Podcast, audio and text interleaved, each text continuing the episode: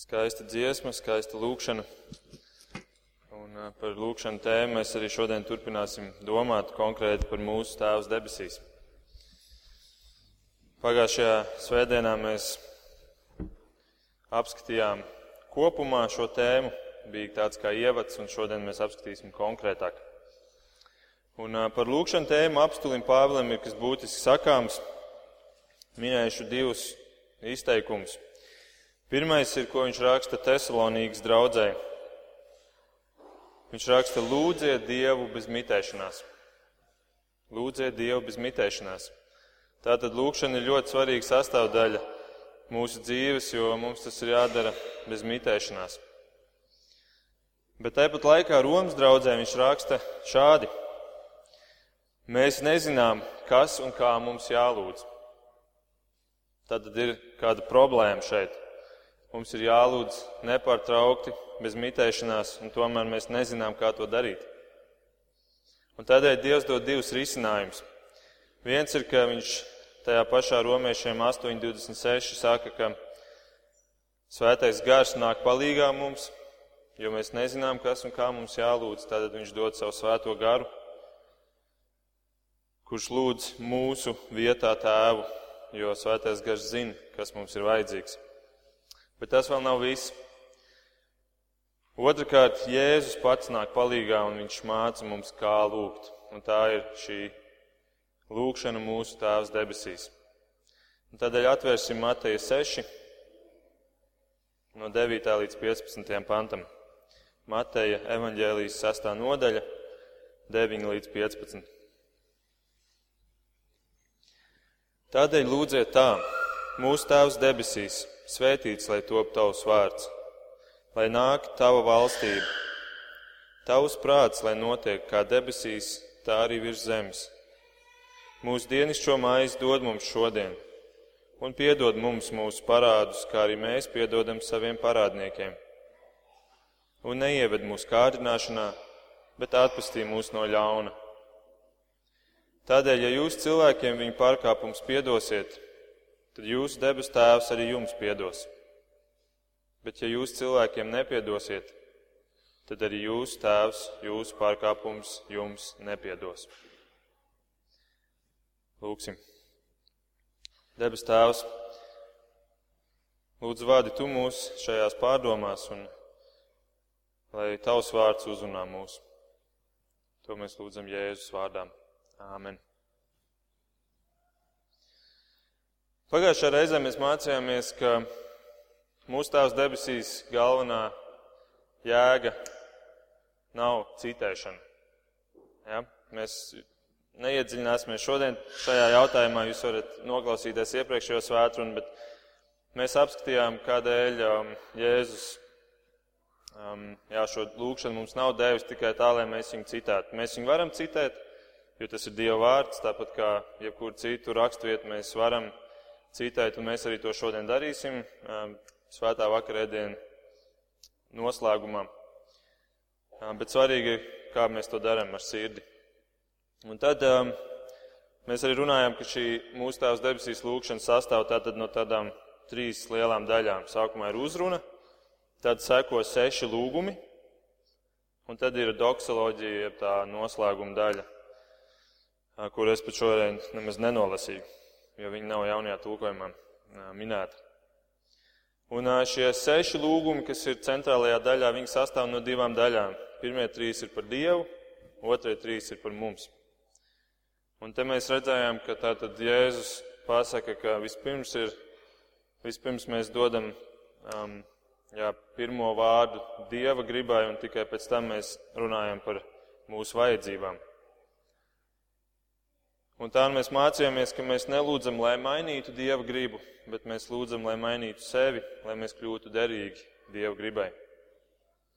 Un mēs arī mācījāmies, ka lūkšanā mēs neinformējam Dievu par kaut ko, ko Viņš nezina, jo vienu pāntu pirms šīs lūkšanas, sastās nodaļas astotajā pantā, Jēzus saka, jūs tēvs zina, kas jums vajadzīgs, pirms jūs viņu lūdzat, nevis tikai pēc tam. Jā, bet tad radās jautājums, kādēļ tad lūgt, ja Dievs visu zina?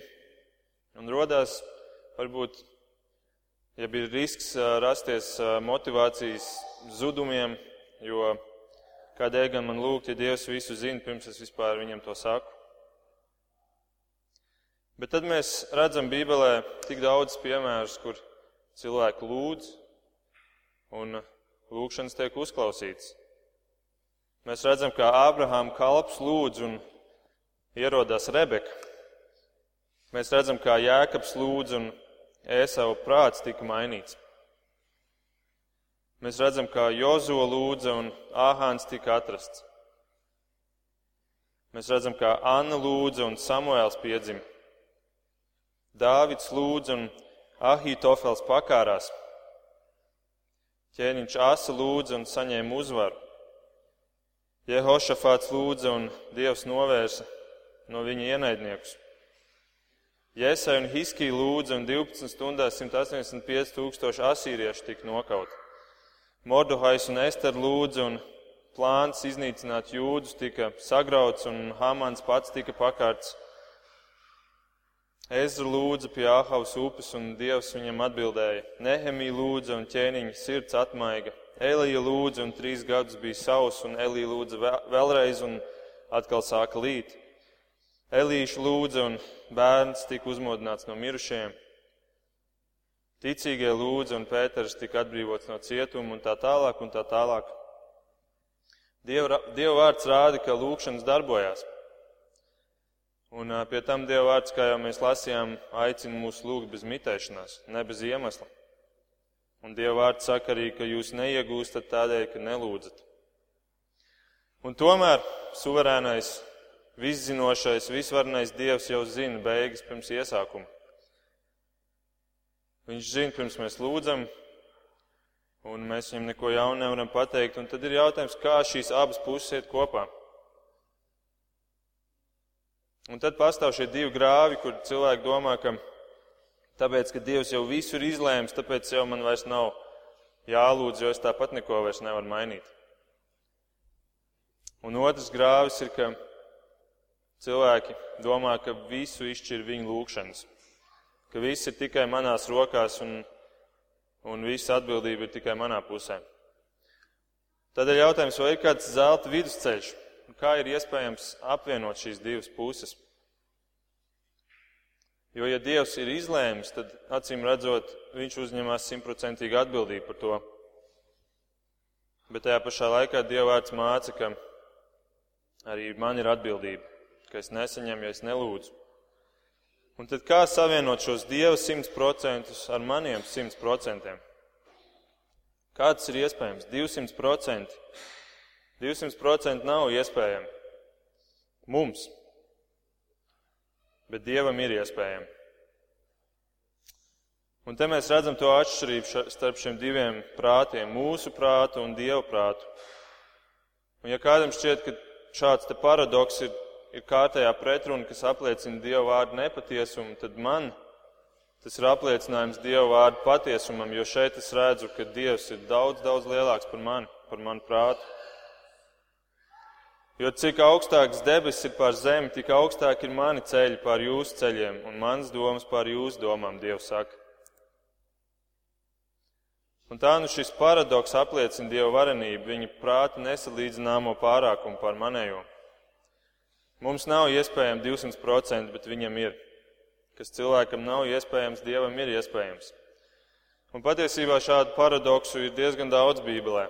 Es jau esmu par viņiem runājis. Un, piemēram, kurš ir sarakstījis šo pašu Mateja evaņģēlīju? Ja es jums jautātu, kurš to ir sarakstījis? Matejs vai tomēr Svētais Gars? Tad kurš sarakstīja? Vai vienu pantu Matejs, vienu pantu Svētais Gars? Nē, abi Abi savus simts procentus ielika. Svētais gars deva visu to, ko, ko, viņš ir ieguldījis, savu iedvesmu, savu inspirāciju, bet tajā pašā laikā Matejs lika lietā savas emocijas, savas domas, savu, savas sajūtas, un tas viss tika salikts kopā, un te ir 200%. Kurš ir atbildīgs par Jēzus krusta nāvi? Cilvēki. Cilvēki viņu nogalināja. Vai tomēr Dievs? Bībeli saka, ka Dievs To jau bija noteicis labu laiku atpakaļ. Atkal 200% abās pusēs ir šī atbildība. Kas bija Jēzus, cilvēks vai dievs? Puse cilvēks, puse dievs. Tas sanāk, ka viņš nav ne cilvēks, ne dievs. Viņš bija abi - 100% cilvēks, 100% dievs. Atkal mums sanāk 200%. Un tāpat ir par tavu glābšanu, vai tevi dievs izredzēja, vai tomēr tu pats izvēlējies. Efeziešiem 1.4 teikts, viņš mūs izredzēja pirms pasaules radīšanas. Un tomēr mēs katrs pateicām savu jāvārdu, ne? Un atkal atbildi ir atbildīgi esam mēs abi, un nevis 50 un 50 procenti, jo tad nav neviens ne otrs, ne šis, ne tas, bet abās pusēs ir 100 procenti. Un, un tāpat ir ar šo lūkšanu. Dieva griba stāv jau noteikta, bet viņš izpilda caur mūsu lūkšanām savu gribu.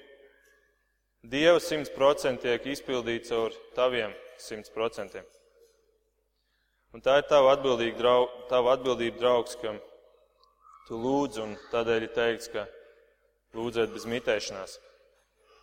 Ja tu saki, Dievs jau ir izpildījis savu gribu, un tādēļ man nav jālūdz, tad tu nostājies pret Dieva vārdu, jo tas nav bībeliski. Dieva vārds to nemāca. Un tāpat ir nebībliski, ja tu uzskati, ka viss ir atkarīgs no tevis vien. No tā, vai tu lūksi, būs atkarīgs viss. Tādēļ ir svarīgi saprast šīs abas puses, viņas paturēt prātā un viņas arī, lasot visu pārējo Dievu vārdu, saprast, ka mums ir šīs divas daļas, kuras mēs ar savu prātu nevaram savienot, bet Dieva vārds abas šīs puses māca, un Dievs sevi tādā veidā ir atklājis mums ar nodomu. Un tikai tad mēs sapratīsim pilno bildi Dieva vārdam.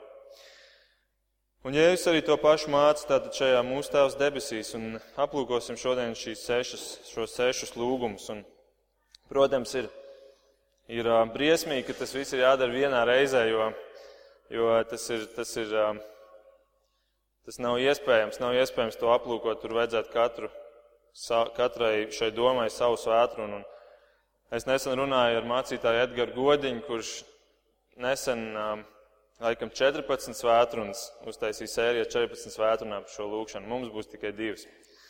Tā kā būs ļoti ātri un, un um, jā, jūs varat arī pēc tam noklausīties internetā vēlreiz, jo tās domas mainīsies un būs diezgan lielā ātrumā. Varat arī pierakstīt. Tātad, kā jau minēju, seši lūgumi, no kuriem pirmie trīs runā par Dievu. Un tur tiek parādītas Dieva trīs lomas. Protams, to var tā saskatīt. Pirmais ir, ka mēs redzam tēvu šajā lūkšanā. Mūsu tēvs debesīs, svētīts, lai top tavs vārds. Mēs redzam ķēniņu, lai nāk tavu valstību. Un mēs redzam kungu, kur mēs kā kalpi sakam, lai notiek tavs prāts.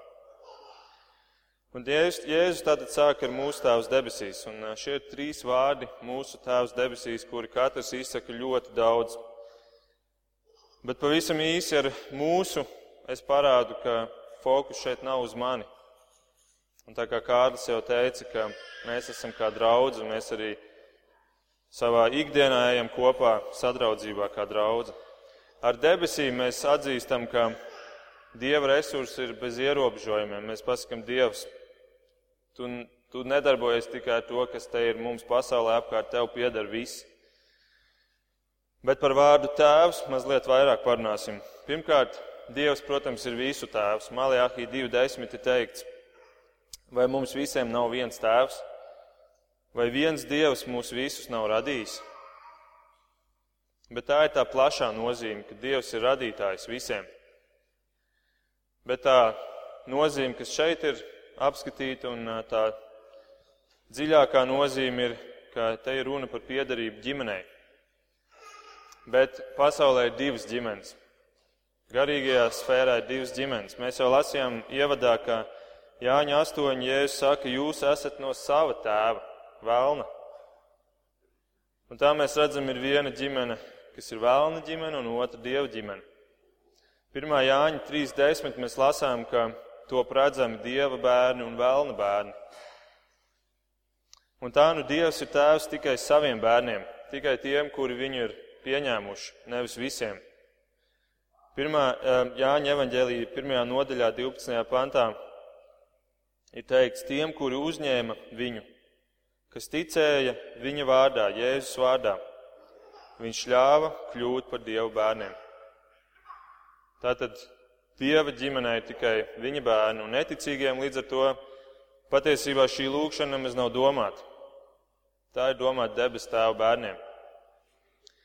Un vai jūs apzināties, kas tā ir par privilēģiju, jo citās reliģijās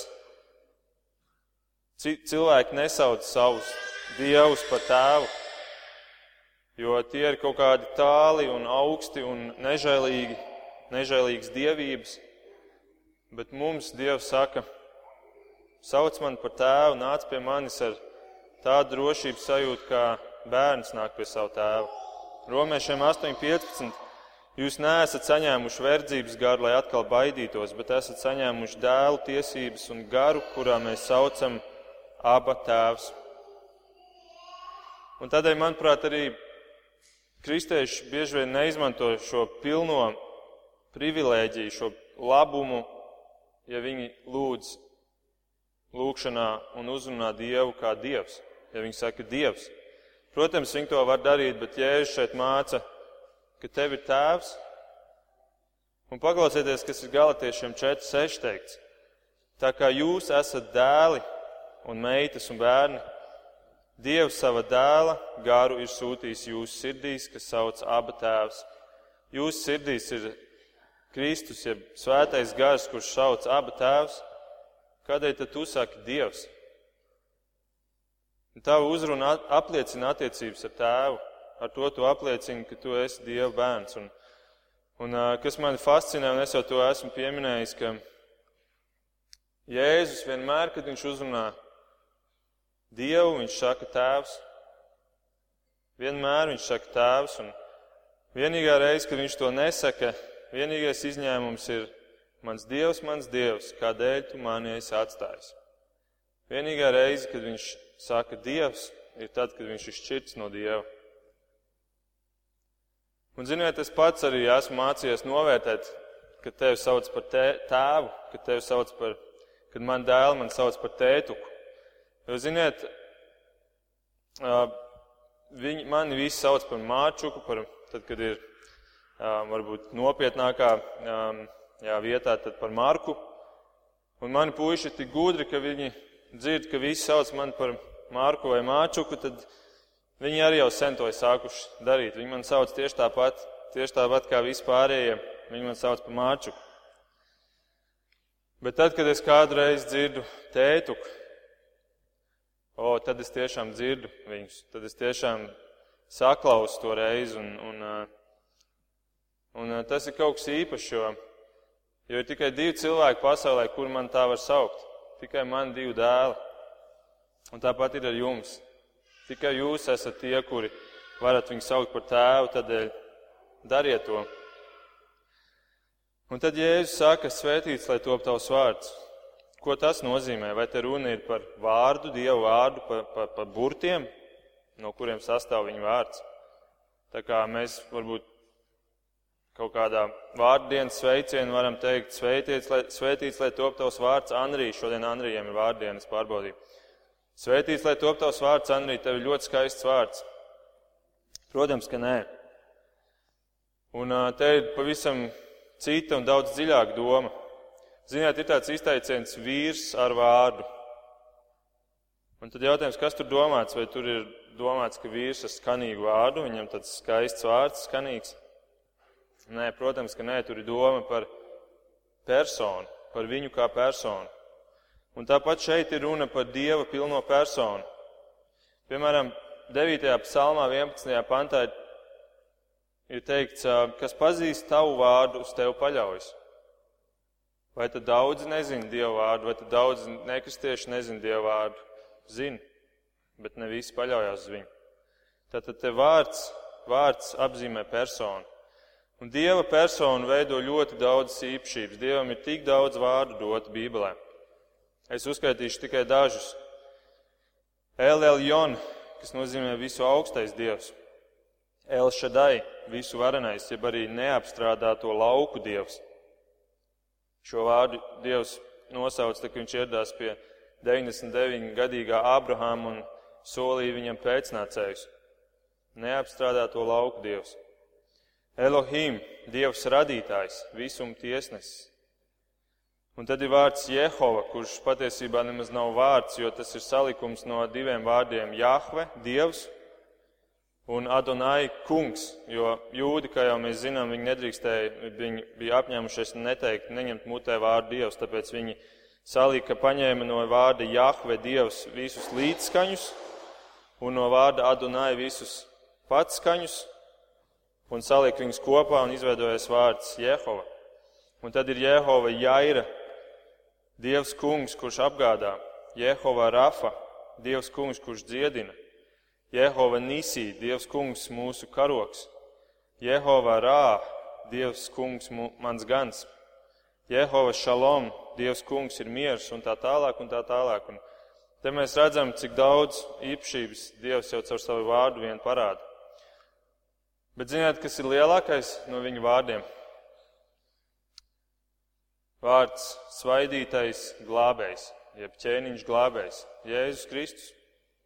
Tas ir viņa lielākais vārds, un šis Jēzus Kristus lūgšanā tēvam Jāņa 17 saka, Tavu vārdu es esmu atklājis tiem cilvēkiem, kurus no pasaules tu man esi devis. Vai viņš ir atklājis Dieva vārda burtus? Nē, viņš ir atklājis Dievu. Un tātad, ja mēs sakam svētīts, lai top tavs vārds, mēs patiesībā sakam svētīts, lai top viss, kas tu esi Dievs. Un ko nozīmē svētīt? Vārds svēts ir nozīmē citāts, nošķirts. Tātad, ja mēs svētam Dievu vārdu, mēs nošķiram un liekam viņu īpašā vietā, augstāk par visu pārējo. Bet kā mēs to varam darīt praktiski? Kā mēs varam svētīt Dievu vārdu praktiski? Vai tikai nelietīgi nevalkājot viņu vārdu? Arī, bet ne tikai. Caur to, ka mēs ticam, ka viņš eksistē, mēs jau svētam un paaugstinam viņu vārdu. Bet ne tikai ticot, ka viņš ir, bet arī ticot, ka viņš ir tāds, kāds viņš patiesi ir. Caur to mēs svētam viņu. Caur to, ka mēs mēģinam saprast, kāds viņš ir, kādu viņš sev ir atklājis. Nevis tikai, ka mēs ticam tādam dievam, kādu mēs iztēlojamies. Jāņa 4.23 ir teikts, bet nāk stunda, un tā ir jau tagad, kad patiesie dievlūdzēji pielūgs tēvu garā un patiesībā. Jo tēvs meklē tādus, kas viņus tā pielūdz. Dievs ir gars, un kas viņu pielūdz, tiem to būs pielūgt garā un patiesībā. Un vai zināja, ka ticēt nepareizas lietas par Dievu ir arī viņa vārda nelietīga valkāšana? Baznīcas tēvs Origens teica, ka vīrs, kurš savos priekšstatos par Dievu ienes idejas, kurām tur nav vietas, lieto Dievu vārdu nelietīgi. Un tas attiecās ne tikai uz domām, uz, uz nepareizām domām par Dievu, bet arī nezināt pareizās, dievs, di, pareizās domas par Dievu. Tātad nevis tikai izdomāt nepareizas domas par Dievu, bet arī nezināt to, ko Viņš ir atklājis par sevi. Un tomēr tu vari ticēt, ka Viņš ir, un tu vari zināt par Viņu visu, bet galvenais ir paklausība. Un ar paklausību tu visvairāk svētī Viņa vārdu. Luters ir teicis, ka Dieva vārds patiesi svētīts tiek tad, kad mūsu izpratne un mūsu dzīve ir patiesi kristīga. Mūsu izpratne un arī mūsu dzīve. Nu, lūk, bet tomēr tad, kad mēs gribam paklausīt Dievam, mēs līdz ar to arī automātiski nostājamies pret šo pasauli. Un tādēļ Jēzus turpina, lai nāk tavu valstību. Jo līdz ko mēs paklausam Dievam un līdz ko mēs cenšamies svētīt Viņa vārdu un visu, kas Viņš ir, mēs sākam arvien vairāk just, ka mēs dzīvojam tumsas valstībā, kur ir nostājusies pret Dievu un no kurienes Dievs mūs ir izrāvis ārā, izrāvis gaismas valstībā. Kolosiešiem 1.13. Mēs pateicamies Tēvam, kurš mūs izrāva no tumsas varas un ieveda savā mīļotā dēla valstībā. Garīgi mēs esam ar Tēvu, bet fiziski mēs joprojām dzīvojam šajā tumsas valstībā, kur ir ienaidā ar Dievu. Un tādēļ loģiskais turpinājums šai lūkšanai ir, lai nāk tava valstība. Un tikai tad, kad tava valstība nāk, tad arī var notikt tavs prāts. Un tas ir nākamais jau lūgums secībā. Bet kas tad ir viņa valstī, par ko mēs lūdzam? Pilāts jautāja Jēzum, vai tu esi ķēniņš, vai tu esi jūdu ķēniņš? Un ko Jēzus atbildēja? Mana valstība nav no šīs pasaules. Tātad Jēzus valstība un tā valstība, kuru mēs, par kuru mēs lūdzam šajā lūkšanā, viņa nav no šīs pasaules. Līdz ar to viņa arī nav saistīta ar to, ko dod šī pasaule. Un pasaule to nesaprot, un Pilārs to nesaprata, tāpēc Pilārs beigās uzlika Jēzum virs krusta uzrakstu Inrī. Bet, diemžēl, bieži vien arī mēs, kristieši, to nesaprotam vai arī mēdzam aizmirst, jo mūsu tendence dzīvē ir iet uz dot priekšroku savai valstībai. Mēs domājam par saviem plāniem, nevis lai tavi plāni manā dzīvē piepildās Dievs. Un tas mums ir iekšā jau no pašas bērnības. Mazs bēbis, kurš, bēbīts, kurš piedzimst, viņš, viņš kliedz, es gribu ēst, es gribu ēst. Un ar viņu māmu nevar sarunāt, pagaidi mazais, pēc 15 minūtēm es pienākšu un tad es tev iedošu, jo man ir vēl jāizdara citas lietas. Nē, viņš tikai domā par sevi. Es gribu ēst, es gribu ēst. Tikai man, man, man. Un tad viņš paaugās bērns. Un tad gandrīz visi strīdi un visi, ir, visi mazie konflikti ir saistīti ar to, ka man vajag pirmajam un man vajag, man vajag. Bet, diemžēl, arī, ka mēs pieaugam un kļūstam pieauguši, tad arī nav daudz citādāk, jo mēs arī turpinam domāt tikai par sevi bieži vien. Un mūsu lūgšanas to parāda. Mēs lūdzam sev, man, man, mēs plānojam savu dzīvi mūsu skatījumā, un mēs um, jā, liekam uzsvaru uz sevi. Mēs veidojam plānu savai dzīvei, un tad mēs meklējam veidu, kā Dievu viņos iekļaut iekšā. Bet patiesībā vajadzētu būt pretēji. Mums vajadzētu meklēt, izprast Dieva plānu un pēc tā veidot savus plānus. Un tā nu meklēt, izprast Dieva valstību, mums vajadzētu likt pirmajā vietā un tad pielāgot savu valstību pēc tās. Un ja Jēzus ir tavs kungs un nevis tikai glābējs, un pēc tā ir patiesie kristieši, redzami, Bībelē saka, ja viņš ir tavs kungs, tad tu būsi gatavs darīt viņa dēļ pretēji saviem plāniem. Tu būsi gatavs aiziet prom no darba, ja tas liek tev klūpt atkal un atkal, un tu saproti, ka šī vide nav, nav tā vide, kurā man vajadzētu būt. Tu būsi gatavs atteikties no kādām attiecībām, ja šīs attiecības nes grēku, seksu pirms laulībām vai citas, citu veidu grēku. Tu būsi gatavs atteikties no izklaides, kas tev aizrauj laiku prom no, no tā, kas ir Dieva valstībai nepieciešams. Un tā tālāk, un valstība ir Jēzus visbiežāk lietotā frāze. Un tas ir patiesībā tas iemesls, šī valstība ir tas iemesls, kādēļ viņš ir nācis. Lūkas 4.43. Viņš saka, arī citās pilsētās man ir jāsludina Dieva valstības evaņģēlijas, jo tādēļ es esmu sūtīts. Un tad jautājums, kādā veidā var nākt viņa valstība? Un pirmkārt, nekristiešiem kļūstot par kristiešiem, pieņemot Kristu, atgriežoties. Tas ir pirmais veids, kā Dieva valstība var nākt. Un Tādēļ šī lūkšana mūsu Tēvs debesīs patiesībā ir arī lūkšana par glābšanu, par manu apkārtējo cilvēku glābšanu, par pazudušo bērnu glābšanu. Tā ir misionāla lūkšana.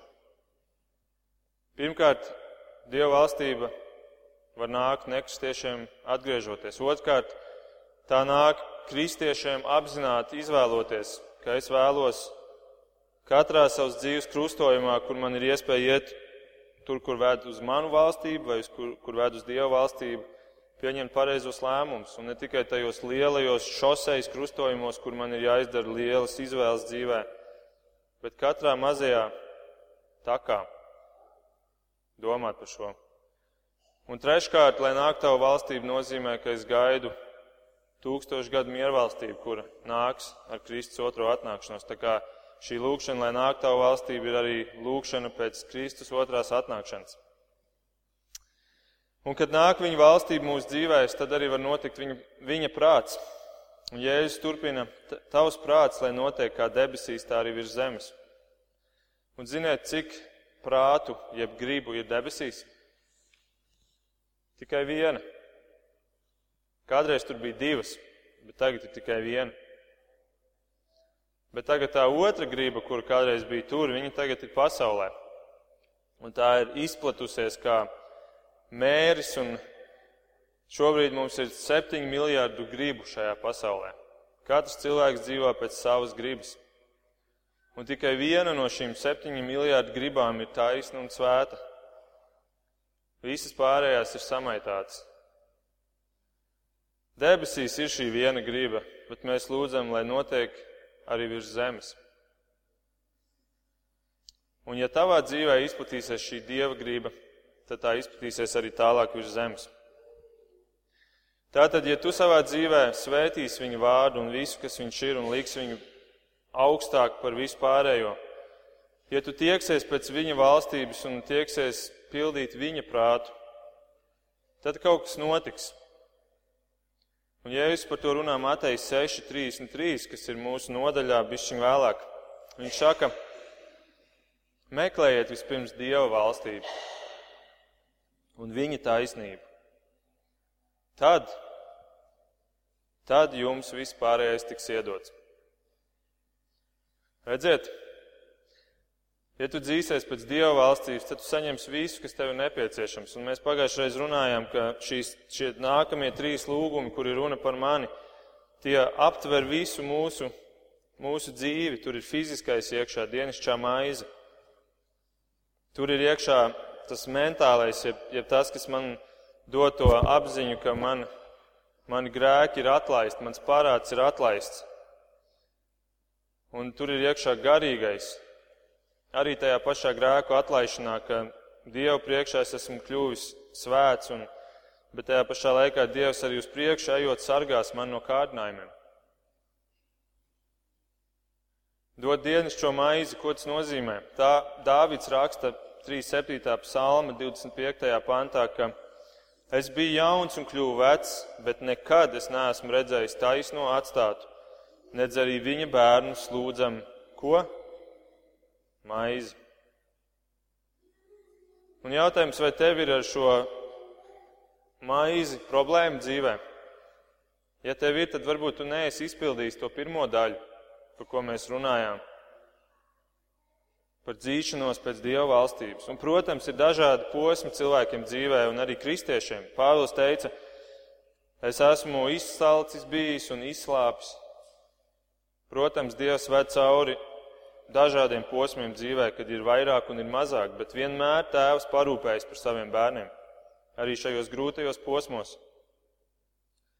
Un vai jūs pamanījāt, ka mūsu tēvs lūkšanā nav teikts, dod mums maizi, bet gan dod mums dienišķo maizi? Tā saka bērns, no kurš zina, ka tēvs viņam ir blakus un kurš parūpēsies par viņu katru dienu. Un, protams, te ir runa gan par to fizisko maizi, par tavu uzturu, bet arī par garīgo maizi. Jo cilvēks nedzīvo no maizes vien, bet no katra vārda, kas nāk no Dieva mutes. Līdz ar to tavu lūkšanu ir nevis tikai par fizisko maizi, bet arī par Dieva vārdu, par garīgo maizi, ka caur to tu vari tikt uzturēts. Un abos gadījumos ir, protams, atkal iekšā tava atbildība.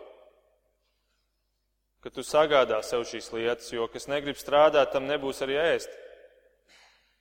Ne fizisko maizi, ne arī garīgo maizi. Tev ir jādara sava daļa, bet Dievs darīs savu daļu. Viņš būs uzticams. Un mēs jau redzam, ka mēs varam būt tik ļoti pateicīgi, ka Dievs ir. Dievs uzklaus šīs lūgšanas mums šeit Latvijā. Mēs dzīvojam laikā, kur, mēs, kur mums ir miers un pārticība, nevis bats un, un, un kara laiki, kur, kur, kur mums būtu daudz grūtāk tikt pie mūsu dienasčās maizes. Un tāpat arī garīgajā ziņā mēs varam šeit stāvēt un sludināt Dievu vārdu, un neviens mums neliec to darīt.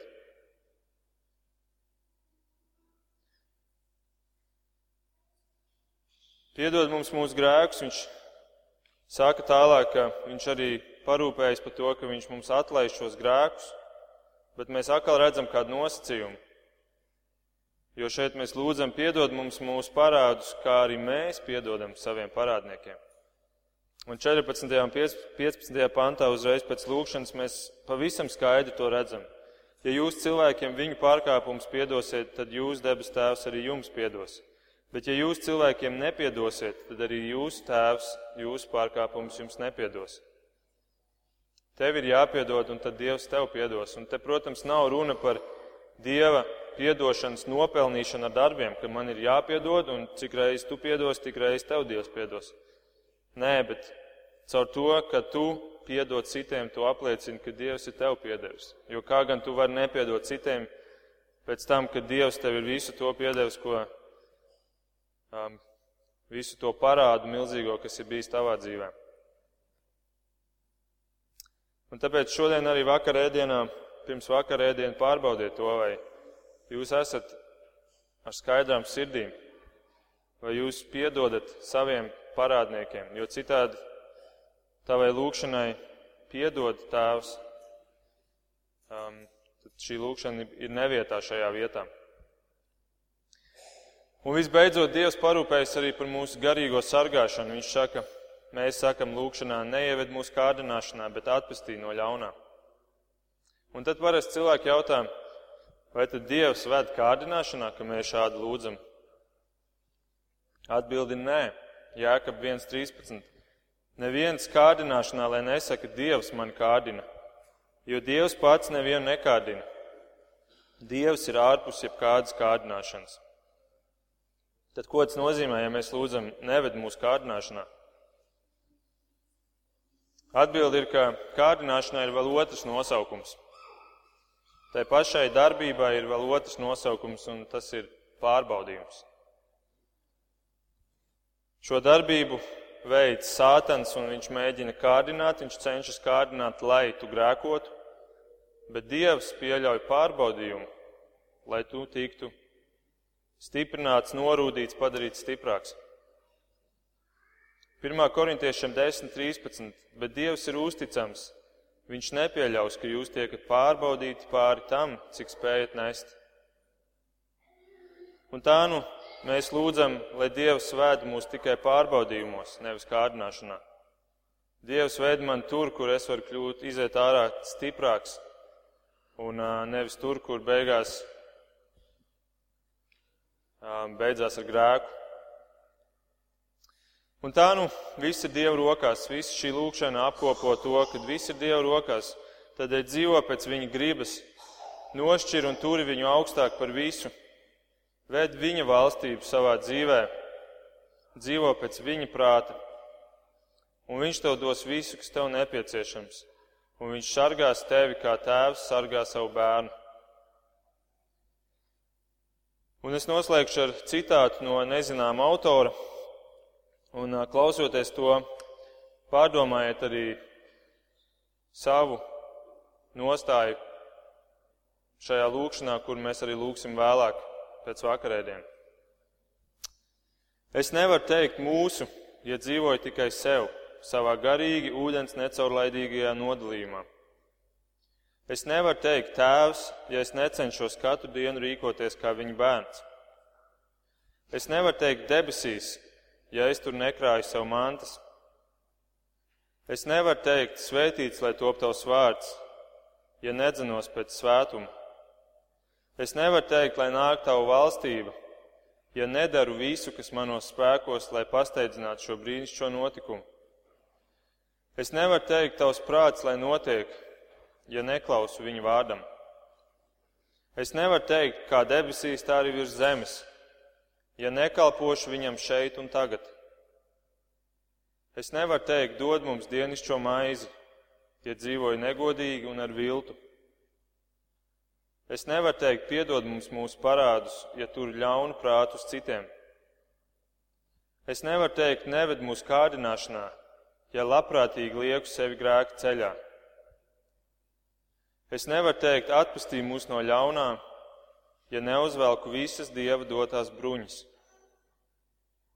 Es nevaru teikt, tev pieder valstība, ja neizrādu šim ķēniņam lojalitāti.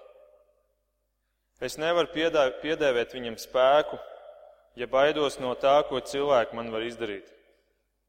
Es nevaru piedēvēt viņam godu, ja meklēju godu tikai sev. Un es nevaru teikt mūžīgi mūžos, ja manu dzīves horizontu pilnībā ierobežo laiks. Lūksim!